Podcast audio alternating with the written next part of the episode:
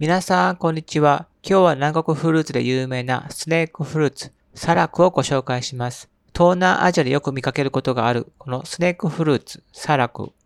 このフルーツの季節が来ると、どうしても食べたくなる味です。皮にはトゲトゲがありますが、店頭などで買う場合はトゲが剥がされた状態になっていることが多いです。すでに皮を剥くことができ、中には白身が入っています。でも身の中に大きな種があるのでご注意を。